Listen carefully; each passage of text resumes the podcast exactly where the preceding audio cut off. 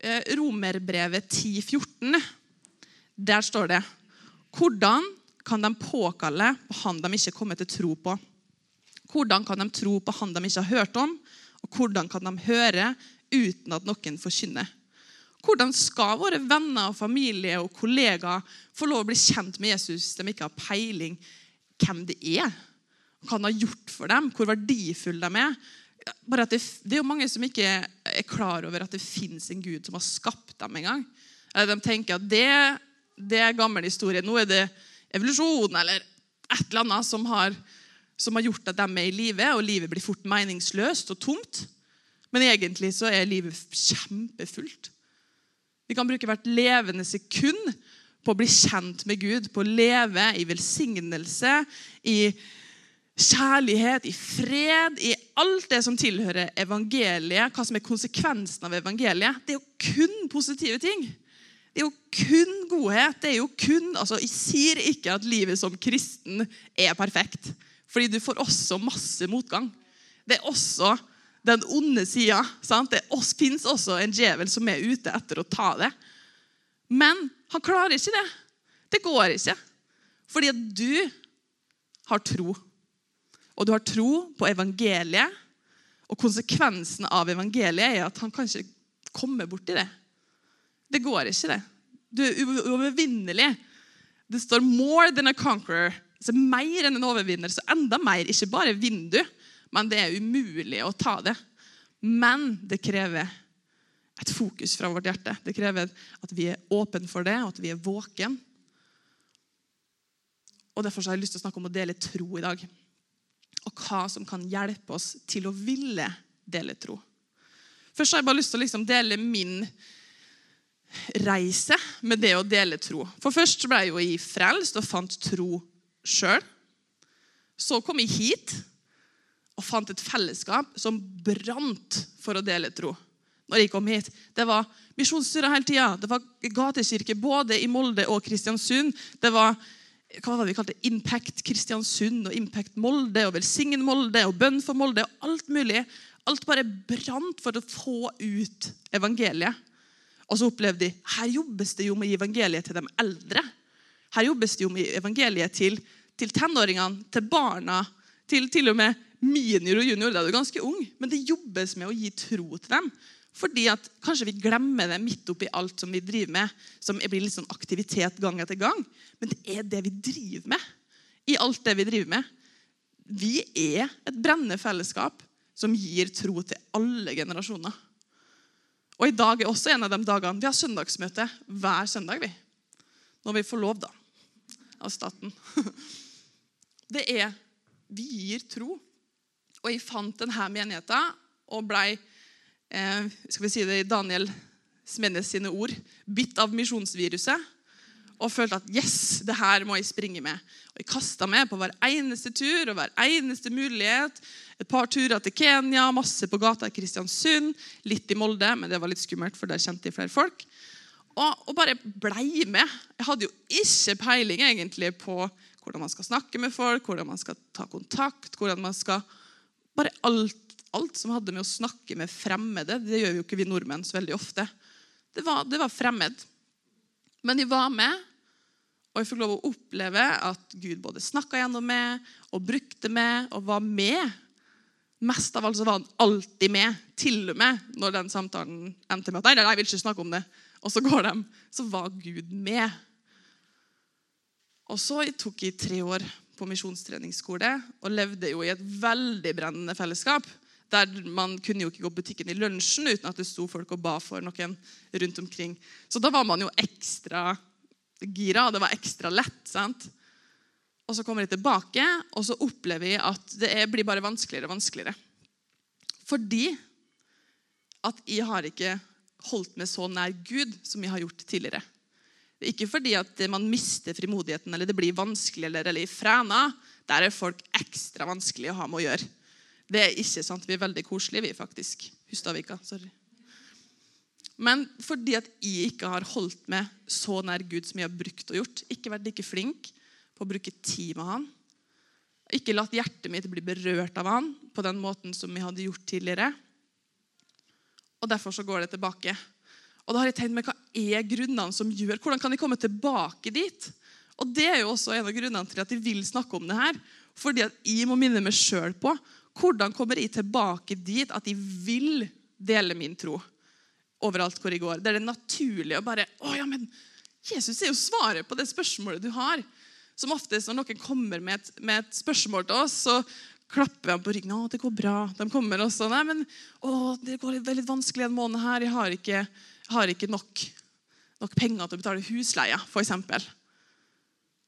Så er vi sånn 'Å, det går nok bra. Kanskje du kan ta en ekstra jobb.' kanskje du kan... Mm. Og det er kjempebra. Kjempebra, det. Kjempebra råd, og vi bryr oss. Men jeg har lyst til at det skal komme naturlig fra mitt indre. Vet du hva? Vi ber til Gud. Gud han er din forsørger. Han har forsørga for så masse, så mange ganger, og han kan forsørge for det her òg.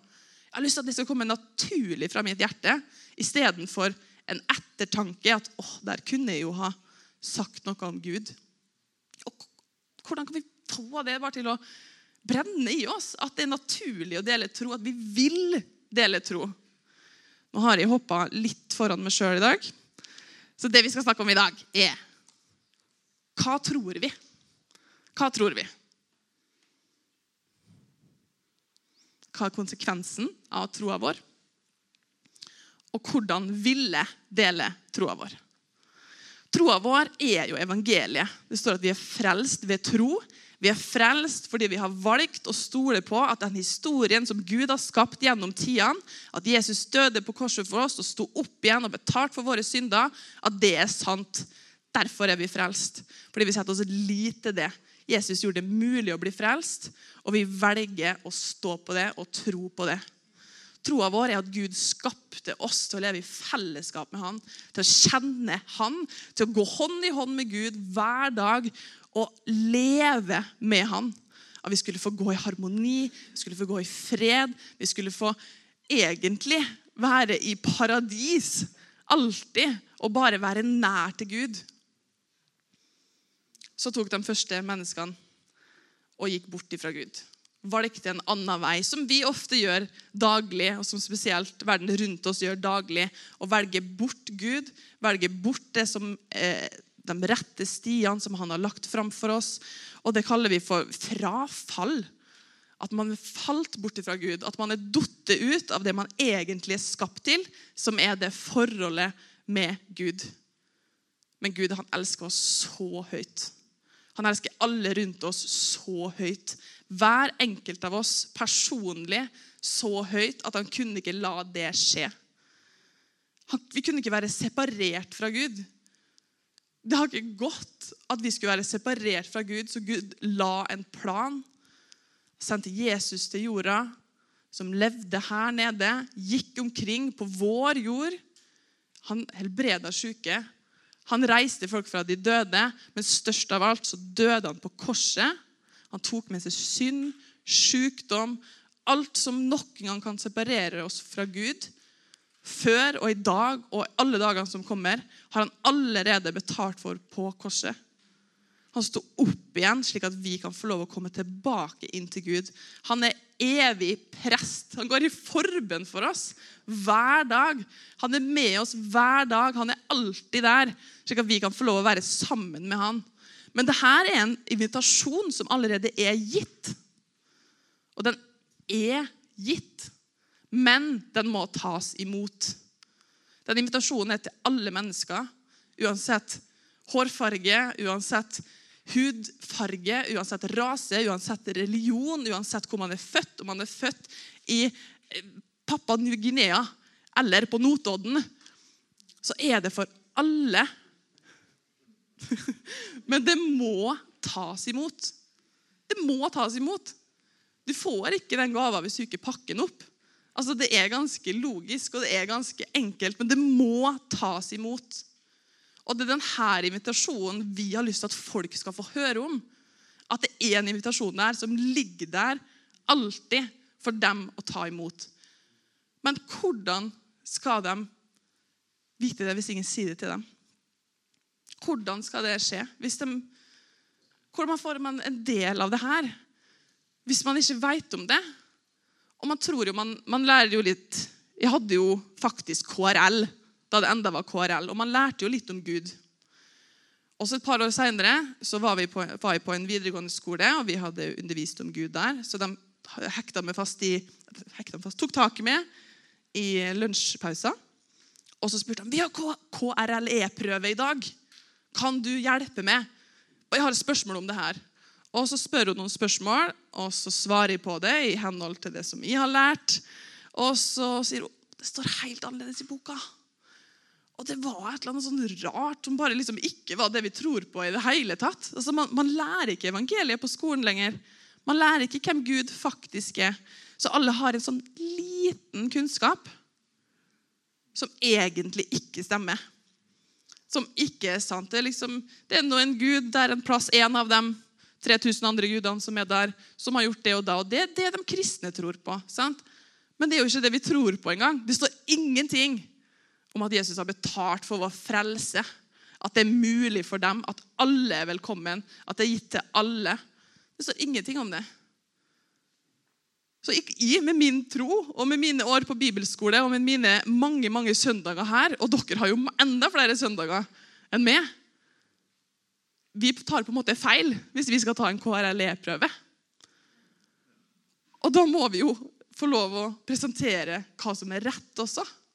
For de har jo ikke peiling, og det her har foregått i årevis. Så dine kollegaer som vet at du er kristen, de skjønner ikke hva du tror på. De vet ikke hva du tror. De vet ikke at det er en Gud som helbreder dem, og en Gud som er nær dem, og som har lyst til å være i et personlig, nært forhold med dem. De vet ikke det. De vet bare at det, det fins en Gud en plass, og det tror kristne på.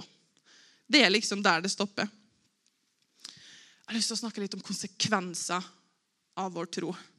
Konsekvenser er jo egentlig, Det høres litt negativt lada ut, men det her er bare gode konsekvenser. Første konsekvensen jeg skal snakke om, er rettferdighet. Rettferdighet det betyr egentlig rett stilling innenfor Gud. At man har en rett posisjon innenfor Gud. Og den rette posisjonen det er jo at vi er Guds barn. Rettferdighet Når du er rettferdiggjort, så blir du et Guds barn. Vi skal ha med et bibelvers her. 2. Korinterbrev 5,21.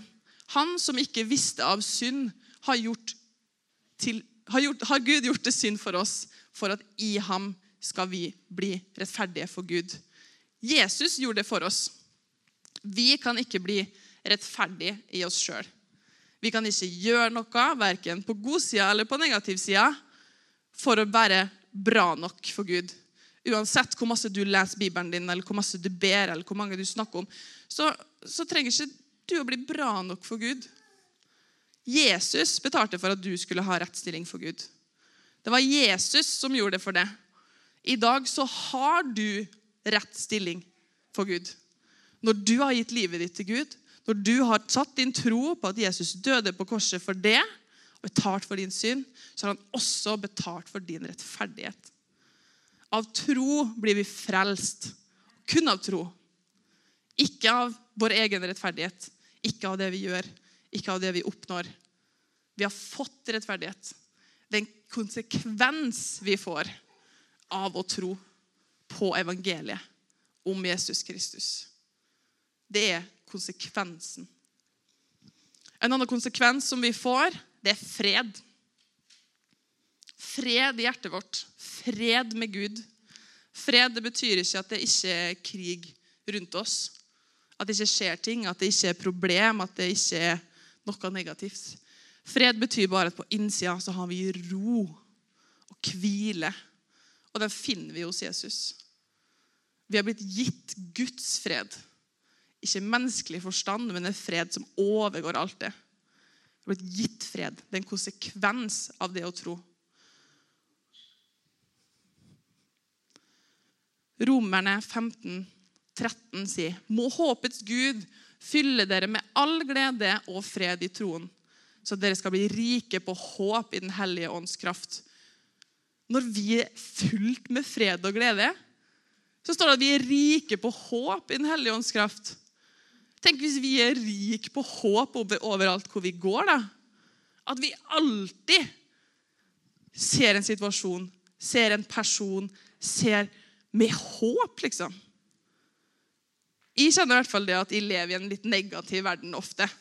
det er ofte krisetenkning, og det er ofte ja, men det kan jo skje, og det er, litt, det er farlig med det her, for det kan skje. og Det er alltid liksom kriseløsninger. Hva gjør vi hvis Men tenk om vi kunne møte hver situasjon med bare rik i håp.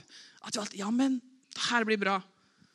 Alltid. Ikke, ikke tvinge tanken positiv, men fordi vi er så fulle av glede og fred at vi er rik i håp. Det er jo helt nydelig å være rik i håp. Er det noe vi skal være rik på, så er det vel håp. Det er jo flott. Og i Den hellige ånds kraft. Hva er håp i Den hellige ånds kraft? da? Det må jo bare være enda kraftigere. Når det er Den hellige ånds kraft, så er det vel gjennomtrengende og banebrytende og knuse vegger. For det er ikke bare vanlig håp. Vi setter jo vår håp til Jesus, vi. Vi setter jo vår håp. Vi snakka om i stad den som ikke hadde råd til husleia. ikke sant? Og vi kommer der med håp på rik i håp i en hellig ånds kraft. Jeg kan fortelle, I fjor så fikk jeg baksmell på skatten. 6000. Mye penger, det. Og jeg var så bekymra. Og så fikk jeg litt hjelp til å endre, så jeg fikk satt den ned til 3000. Men det er fortsatt litt penger.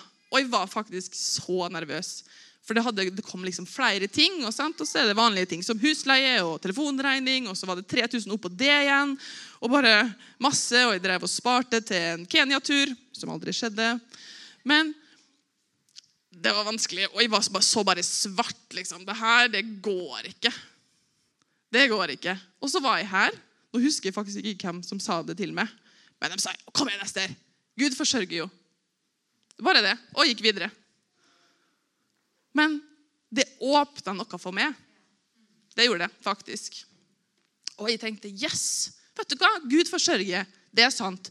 Jeg var bare borte i min bekymring, som egentlig ikke hadde noe å si, for Gud forsørger jo uansett. Men jeg er nødt til å ta tak i det, så jeg kan leve i fred i dag om at det kan jeg holde fast på. Og vet dere hva som skjedde? Altså Tre måneder etter at skatten kunne vært betalt inn, så fikk jeg tilbake 3000 kroner og skjønte ikke helt hvor de kom fra.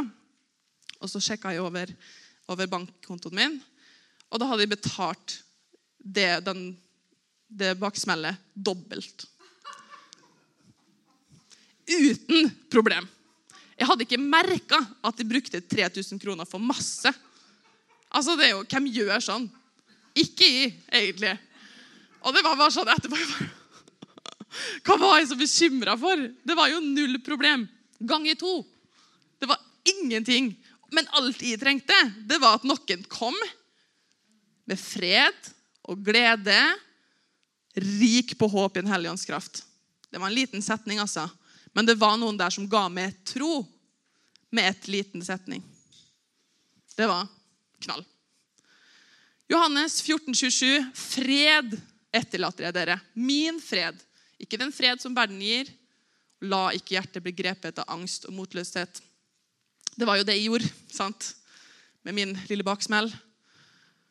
Men så fikk jeg fred når jeg fikk tro. Så fikk jeg alt det fordi at jeg veit egentlig i mitt hjerte Av og til trenger vi litt påminning på det. Men jeg veit at det er en konsekvens av evangeliet, en konsekvens av den kraften som Gud har, er også forsørgelse. Det er alt det her. Og vi kan ha fred når vi er rik i håp og venter på det som Gud skal gi oss når vi har tro på det. En annen konsekvens er helbredelse. Men han ble såret for våre overtredelser, knust for våre misgjerninger. Straffen lå på ham. For at vi skulle ha fred, og ved hans sår har vi fått legedom. På korset så ble det også betalt for legedom, for helbredelse, for helse. På alle plan i vår kropp.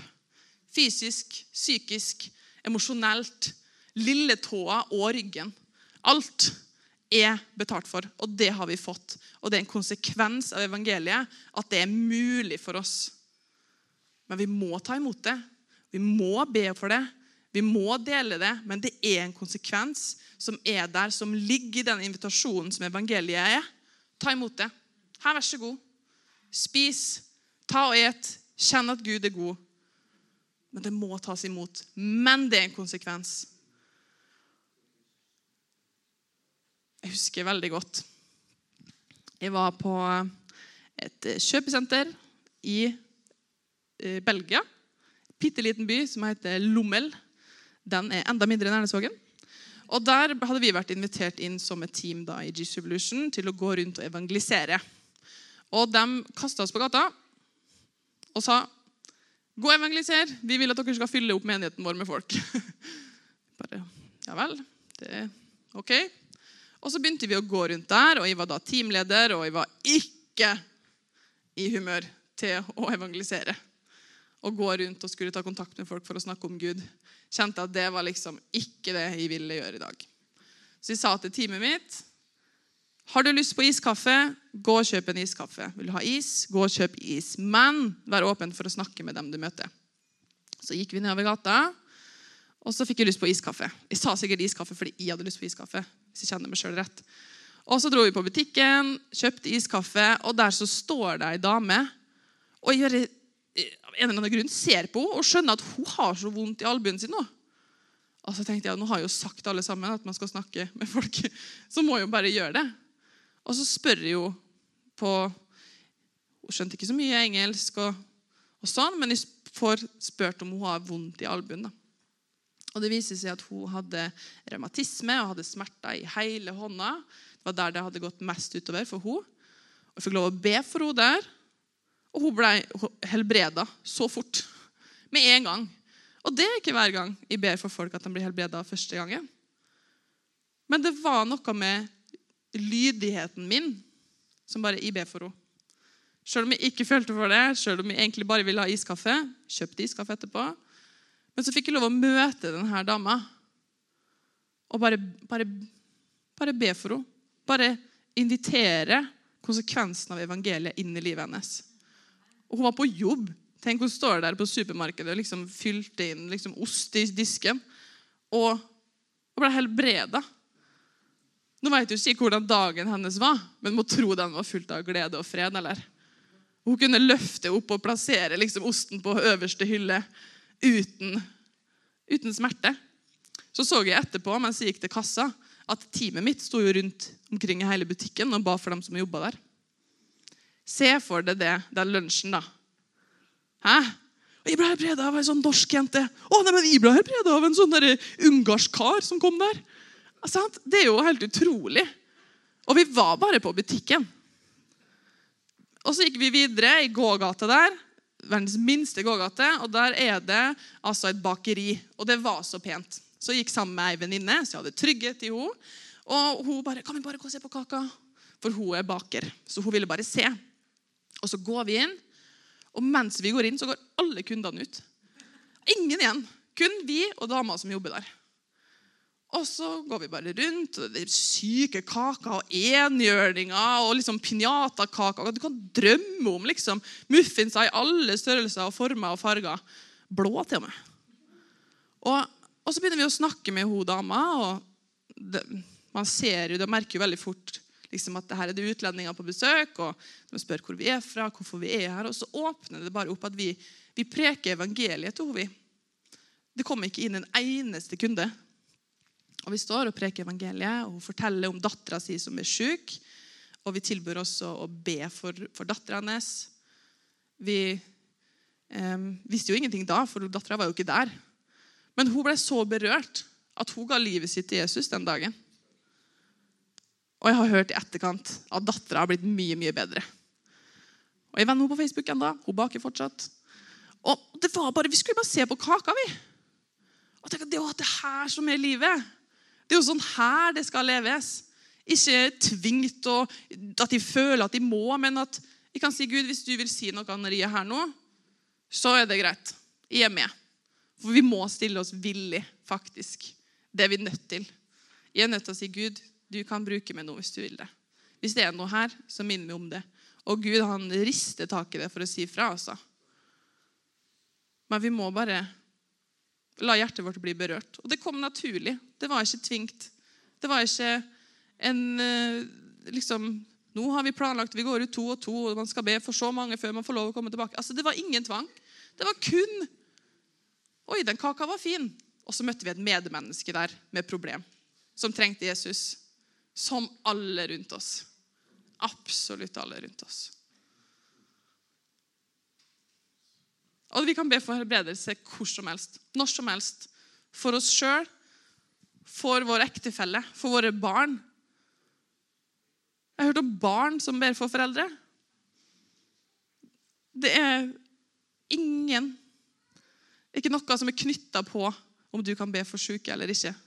Hvis du har nok tro til å faktisk be, så er det mer enn tro nok. Det har ofte vært litt sånn å, men hun ble ikke helbreda, så troa mi er nok ikke sterk nok. Eller det er nok ikke noe den personen har tilgitt, eller hva som helst. Men det er Gud som helbreder. Gud er ikke begrensa av min mangel på tro. Hvis du faktisk ber for noen, så er det mer enn tro nok. For Gud trenger bare at det blir en invitasjon til den konsekvensen av evangeliet. Og så blir helbredelse gitt. En annen konsekvens er vennskap. Vi snakker ofte liksom om forhold med Gud, og så, og så, stopper vi liksom på at han er herre og konge. Og der stopper vi. Men det er vennskap med Gud. Gud vil være vennen vår. Gud vil kjenne oss. Gud vil at vi skal kjenne Han. Det er ingenting som, som vi ikke får lov å bli kjent med Gud i. Det står jo også at Den hellige ånd går inn og ser i dybdene til Gud og åpenbarer det for dybdene i oss. Det er ganske stort. Jeg kjenner ingen mennesker på det dypet, i hvert fall. Men nå er jeg singel, så dere gjør jo sikkert det. Jeg vet at Beate og Jan Tore kjenner hverandre veldig godt. Det er dybdene, liksom. Det er ikke bare overflaten. Det er ikke bare liksom Herre, vennskap Jo, vennskap. Det er som bare herre, konge, sjef. Det er heller ikke bare liksom Gud. Det er venn. Han har lyst til å være liksom her med oss, ikke bare over oss og passe på oss. Han har lyst til at vi skal være sånn at vi kan klage til Gud. At vi kan 'Å, hvorfor skjer ikke det her nå?' Men også at vi 'Gud, hva som har skjedd i dag?' For det vil han også være en del i. Han vil være en aktiv del i vårt i vårt liv. Johannes 15, 14 og 15. Dere er mine venner dersom dere gjør det jeg pålegger det dere. Det er jo en liten konsekvens der. Og det er jo at vi er sammen med Gud også. Og hans, Hvis en venn sier til deg du, 'Tar du med oppvasken når du går forbi?' eller? Så gjør du jo det. Venner er jo faktisk dem som er med på det du snakker om. sant? Jeg kaller dere ikke lenger tjenere, for tjeneren vet ikke hva hans herre gjør. Men dere har jeg kalt venner. For alt det jeg har hørt av min far, har jeg kunngjort for dere. Alt som Gud sa til Jesus. Men Vi tenker jo gjerne at de hadde på en måte et sterkere forhold enn vi kan ha med Gud. Men alt som far sa til sønn, har sønn sagt til oss. Han har kunngjort det for oss. Det står i denne boka her, det lagt fram for oss. Tjeneren vet ikke hva hans herre gjør. Det ligger i den setninga her at venner, de vet hva Gud gjør. Vi får lov å være med på det Gud gjør. Overalt hvor vi går, så kan vi Gud, hva gjør du nå? Hvem skal jeg snakke med nå? Hvem skal jeg, hva skal jeg si? Hvem trenger en klem? Redigere den, og så redigerer vi tilbake etterpå når korona er ferdig. Det er sånne enkle ting også som Gud gjør. Har det vært en sånn dag der du bare føler at i dag trenger bare å bli sett? Og det er ikke sikkert at du egentlig vil at noen skal liksom be for det. eller sånn. Du trenger bare at noen 'Hei, så fin du er i dag.' Og det er liksom det du trenger. Det kan også være det Gud gjør. Hvis du møter noen og du tenker et eller annet, du tenker 'oi, håret var fint'. 'Å, nye briller'. òg'. Kanskje, kanskje, det er det Gud sier til deg at du skal dele? Kanskje det er det Gud gjør? Øse det mennesket med kompliment? Kanskje du kjenner på Åh, jeg skulle hatt besøk av han. Så inviter. Det er sånne ting som Gud gjør. Og vi får lov å være med på det fordi vi er venner av Gud. Det er en konsekvens av evangeliet. Tar vi imot evangeliet, så har vi tatt imot det vennskapet også. Og det er der. Og ja, vi må bruke tid med Gud for å få mer og mer del av det. Hvis du har lyst til å bli venn med meg, så må du snakke med meg. Da må vi spørre hverandre spørsmål, gjøre ting sammen. Vi må bare henge. Vi må spille brettspill. Helst ikke monopol, for da blir det bare krangling, men da blir vi bra kjent. En liten peking her, det er lov. Det er bra ikke Edvard var her. Ha det nede. Edvard, hvis du hører meg nå, aldri mer monopol. Og jeg har lyst til å snakke om det. Det her, det er jo troa vår, det er konsekvensen. Vi har lyst til at det skal få lov å bli gitt videre til folk. sant? Og vi må dele evangeliet. Vi må dele det med andre. Vi må dele det med andre. Det er liksom det siste Jesus ikke bare sa, men kommanderte oss til å gjøre. På engelsk så heter det 'missions command'. På norsk så er det misjonsbefalingen. Det er en befaling. Det er ikke så mye annet i Bibelen der det står at det er en befaling. altså. Men det er en Gå ut i all verden og prek evangeliet til hele skapningen. Det er en befaling. Og, vi blir sånn Å, men Jesus er jo så snill og god. Nei. Jesus er også herre og konge, i tillegg til venn. Og han har befalt oss å gå ut. Og så blir vi sånn Hjelp. Men hvis det får komme fra hjertet vårt, så er ikke det skummelt. Hvis det får komme, Vi skal snakke om det her etterpå. Hvordan kan vi ville dele evangeliet? Men jeg har lyst til å bare slenge med det å dele tro også. Å dele tro, det, legger, det som jeg legger i det, er det jeg snakka om. Den personen som sto her og sa ja, men Ester, Gud forsørger. Vi må jo dele tro med hverandre. Vi veit jo litt hva som skjer i livet til folk. Vi skjønner hvem som er litt ensom. Så kan vi dele tro. Så husker vi at åh, ja, men hun har vært hjemme alene hele uka. I Ringo. Så kan de dele tro. Gud er alltid med deg. Jesus er der. Du er verdifull. Du er viktig for Gud. Bruk tid med han. Så kan vi dele tro. Og så kanskje, bare kanskje, har den personen følt seg så ensom og blitt snappa ut av Å, Gud er jo her. Kanskje du har mista jobben. Så kan de komme og bare gi deg tro. Sant? Gud har lyst til at du skal jobbe. Han har kalt oss til å være arbeidere. Gud forsørger for det. Dette blir bra.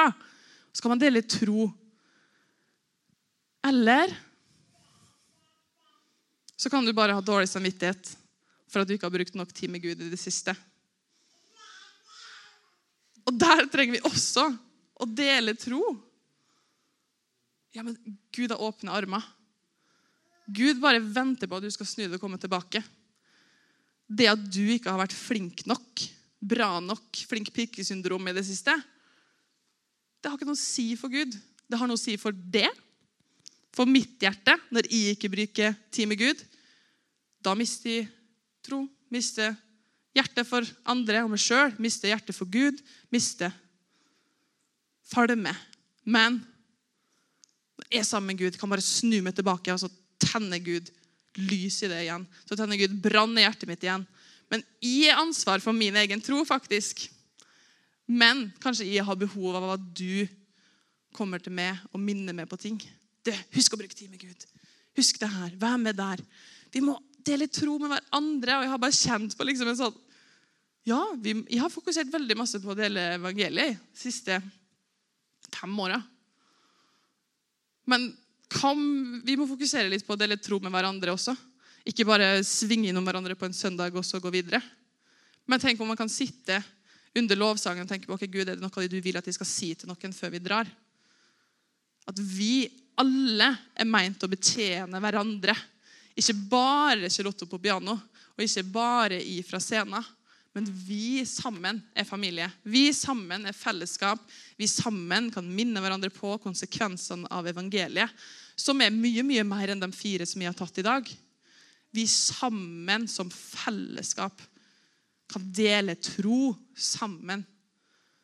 Og hvis man bare skal sitte igjen liksom med det, at dele evangeliet må vi gjøre, og dele tro må vi gjøre, så har vi kommet så, så langt. Hvordan skal vi ville dele tro? Hvordan skal vi ville dele evangeliet? Og det her er ut ifra de bøkene som vi har lest det siste halvåret. Det er ut ifra det som vi har fundert på og kjent og funnet i Bibelen. Sagt kort og greit. Det første vi må ha, er forståelse. Hva er evangeliet? Hva gjør det? Bare en sånn liten recap som vi har hatt i dag, det kan få oss til å forstå bedre. Hva er evangeliet? Vi må huske at alle rundt det trenger det. Det må vi forstå. Det er for den sure naboen som aldri orker å snakke med deg. Det er for den kjipe læreren. Det er for barna, eldre, alle du møter. Til og med dem som syns du er sinnssyk, som tror på evangeliet og går i kirka. Det er for dem. Det er for absolutt alle. Også for dem som har det bra. I Norge så har vi det ganske greit i forhold til resten av verden. Uansett hva vi sier og hva vi føler på. Så har vi, vi har velferdssystem, vi kan dra på sykehuset, vi har tak over hodet og seng å sove i. Senga var sikkert ganske dyr, hvis vi er ærlige. Altså, Vi har det meste, men de trenger også evangeliet. Alle som har det bra, trenger også evangeliet. For er det ting man ikke har, så er det rettferdighet. Rett stilling innenfor Gud og fred i hjertet. Det har man ikke uansett hvor bra man har det ellers. Hvis man ikke har tatt imot evangeliet. Å dele det her, det er for alle. Det må vi også forstå. Det er for absolutt alle. Ikke bare for evangelisten og pastoren, men for alle Evangelisten er plassert i kirka for å utruste alle til å evangelisere. Pastoren er plassert i kirka for å utruste folk til å være pastorale, til å bry seg, til å være med dem. Det er ikke for at pastoren skal være den eneste som gjør det, men for at alle skal få ta del i det. Og det er ingen, ingen ting du må ha på plass eller ting du må vite eller kunne for å være det. Du må bare vite at Gud elsker mennesker. Han elsker dem, og han gir oss styrken og visdommen og Den hellige ånds kraft til å dele det. Det er for alle, og det må vi forstå. En annen ting som gjør at vi vil dele tro, at det er noe vi ønsker sjøl, naturlig fra mitt hjerte, er personlig tid med Gud. Bare du og Gud. Helst hver dag. Vi ser på det som vanskelig å lese Bibelen ti minutter om dagen. Det, vi sier det ikke høyt, men vi mener det. Det er tiltak, og det er om morgenen, og det har ikke tida. og Hvis vi ikke gjør det om morgenen, så blir det glemt. Vi kommer ikke på det til lunsjen, og på kvelden så skal jo alle ungene legges, og da er det jo ikke tid. Og når de er lagt, så er det jo for seint. Da må vi legge oss. Men det er så viktig. Det er så viktig om man så liksom leser ett bibelvers om dagen og tar med oss det bibelverset og tenker på det og grubler på det og lar det jobbe i hjertet vårt, så er det så viktig. Fordi alt som Gud har sagt og vil si, det står i den boka. Fra A til Å. Hele Guds ord sammen er sannhet. Vi må forstå hva Bibelen sier. Og vi må være med Gud. Kjenne Gud. Jeg har skrevet at bønn forandrer hjertet. Og det jeg tenker på da, er at hvis, hvis man gir noe til Gud, så forandrer det hjertet vårt. Når jeg legger fram en situasjon som jeg har i livet mitt, kanskje en person som er veldig irriterende Jeg har bedt så mange ganger Gud hjelpe og elske det her mennesket sånn som det trenger. Og som oftest det har skjedd sånn tre ganger i livet mitt. Så har den personen endt opp med å bli en av mine favorittmennesker. Fordi man ser liksom hvor bra de er. Fordi at de tar det med til Gud, legger det fram i bønn. La Han få gi meg håp, la Han få gi meg tro rundt det. Og så jobber han i hjertet mitt. Når du bare sitter på sofaen din og sier 'Gud, her er jeg', så begynner han å jobbe i hjertet ditt. Situasjoner, og snakke til oss og høre på oss. og han hører hjertet ditt, og du hører hjertet hans. Og så forandrer det hjertet ditt. Det vil hjelpe deg å ville dele tro. hvis vi lar hjertet vårt forandre og mjukne og brenne for Jesus. Det vil det. Og det er ikke så oftest der vi må begynne, faktisk. Gud, bare åpne opp hjertet mitt til å ville be. Åpne opp hjertet mitt til å ville lese Bibelen. Åpne opp hjertet mitt til å ville dele tro. Bønn forandrer hjertet vårt, og det hjelper oss så masse. Ja, takk, Jesus, for at han gjør det. altså. Det er fantastisk. At ikke engang forandre våre egne hjerter trenger vi å gjøre. Så klart kan vi jobbe med oss sjøl, men Gud jobber med oss samtidig, han også. Når vi kjenner Gud, så skaper det tillit. Når vi veit hvem Gud er, vi ser at Gud har helbreda mennesker i årevis, da får vi tillit til at han skal gjøre det den gangen her òg. Vi tør å tilby det. Det skaper tillit om å vite at Gud er en god far, og han ønsker gode ting, og han har gode planer. Det skaper tillit. Vi stoler på han. Derfor så tør vi. Av og til så får man kanskje en tanke om at det er litt skummelt å snakke om det her akkurat nå. Men når man vet at ja, Gud har bare gått for det mennesket Man kjenner Gud så godt.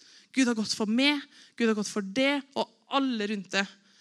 Skape tillit til å ville dele, til å tørre å dele, og til å være rik på håp til å dele. En annen ting som vi trenger, er fellesskap. Vi sammen.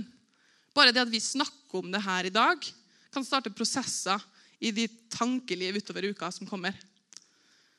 Det kan starte forskjellige ting. For noen så starter det at man snakker med noen, med en kollega, at man faktisk deler evangeliet.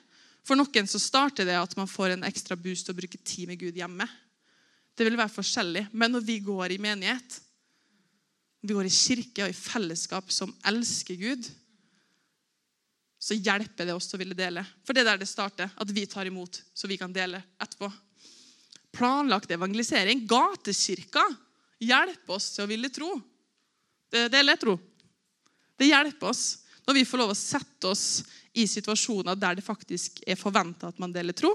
Til og med dem som kommer til gatekirka, forventer at man deler tro. Det er jo gatekirka. Så klart snakker man om Gud på gatekirka. Og Da får man trene og øve. Da er det ikke så vanskelig å gjøre det når man allerede har delt tro liksom hver lørdag siste året så er det ikke så vanskelig når det sitter en kollega med nakkesmerter. Fordi man er så vant til å snakke om det. Planlagt evangelisering, det som er med Det var der jeg endte opp med å bli komfortabel med å dele tro. Det var at jeg bare hang med på alt. Og i flere år så var jeg livredd hver eneste gang man skulle evangelisere. Jeg husker jeg var i Oslo første året mitt i Jesus Revolution. Så skulle alle ut. Det var 18 minus. Det var veldig gøy. Vi skulle danse på gata. Og vi skulle dele tro. Og jeg hadde ikke lyst og jeg hadde så lyst til å bare lyge og si at de var syke eller et eller annet. Men man skal jo ikke lyge, så jeg kunne ikke gjøre det. Så jeg ble med ut, og jeg var så negativ. Og så fikk jeg lov å preke evangeliet i mikrofonen. Og etterpå så var jeg sånn her Det er det her jeg lever for! Yeah! Men først så var jeg åh, Skal jeg lyge for å komme ut av det? liksom? Det er jo natt og dag i følelseslivet. Så man kan ikke alltid la seg styre av de følelsene. Men fordi at de alltid trossa denne frykten og den 'jeg har ikke lyst til å snakke med noen', 'jeg orker ikke', så ble det mer og mer naturlig. Og det ble oftere og oftere en prat med kassadama og en prat med venninna. Det ble oftere fordi at de utsatte meg sjøl for skumle situasjoner. hvis man kan kalle det det. For det er jo litt skummelt å stå for noe som du vet mange er uenig i. Men vi vet jo at det er sannheten. Det er det eneste håpet. Det er det eneste som kan hjelpe. Bare Jesus. Og det må vi finne frimodighet i å snakke om. Hvorfor har vi ikke det, liksom? Når vi vet at det er sånn det er. Vi har opplevd det på våre egne kropper, i våre egne ånder, i våre egne liv. Og så Ja. Jeg tror at eh, at Jesus er veldig, veldig stolt av oss. Hver dag i vårt liv. Uansett når vi føler oss skikkelig dritt. Og jeg vet, jeg har snakka med mange, at 2020 har vært skikkelig ille. Og vi er dem som har det bra. Men vi har fortsatt hatt det ille, for vi får ikke være sosiale. Vi får ikke like mye påfyll i, i vår ånd som vi brukte å ha. Vi må bekymre oss om ting og tenke på ting og ta stilling til ting som vi aldri måtte tenke på før. Det har vært permisjoner, det har vært hjemmeskole, det har vært masse masse greier som har gjort at det året som har gått, har vært skikkelig kjipt. Men Jesus er så stolt av oss at vi er her i dag. At vi enda står i den troa som vi har, sjøl når påfyll var minimum. Det er så mye godt i evangeliet. Og vi trenger det. Alle rundt oss trenger det. Og jeg kan ikke preke evangeliet. Det har man jo gjort i dag. Lagt fram evangeliet, hva det er, og konsekvensen av det, uten å gi invitasjon. Det går ikke. For den invitasjonen er utgitt til oss alle. Kanskje du er her i dag, og du har ikke gitt livet ditt til Gud før. Jeg ser jo veldig mange kjente ansikter her, da. Men så vil jeg at vi skal få lov til å gjøre det i dag. At vi skal få lov til å bare gi hjertet vårt hen. Kanskje man har vært litt langt borte og har glemt litt, og vi skal få lov å rededikere oss til Gud igjen og igjen og igjen, som vi kan gjøre daglig, hver morgen. Kanskje du er og du bare lengter litt mer etter Gud. Tenker at Vi skal ta be en bønn sammen. Jeg har ikke lyst til at jeg skal si noe dere skal repetere, men jeg har lyst til at vi skal be den samtidig ut høyt. Uansett hvor du er i livet ditt, uansett hva du føler på eller lengter etter eller ønsker, så er det her Ta imot evangeliet. Og vi tar imot evangeliet i dag. Vi tar imot helbredelse i dag. Vi tar imot fred med Gud. Tar imot rettferdighet, rettstilling for Gud. Tar imot vennskap med Gud. Og så lar vi Han få lov å jobbe i oss til å ville dele. Skal vi be det her sammen? Jesus, invitere det inn i mitt liv. Jeg tror at du døde for mine synder, og at du sto opp igjen. Jeg tror at du er Guds sønn, og jeg vil at du skal være herre i mitt liv. Takke deg for at frelsen er ferdig, og at jeg nå er et Guds barn. Amen.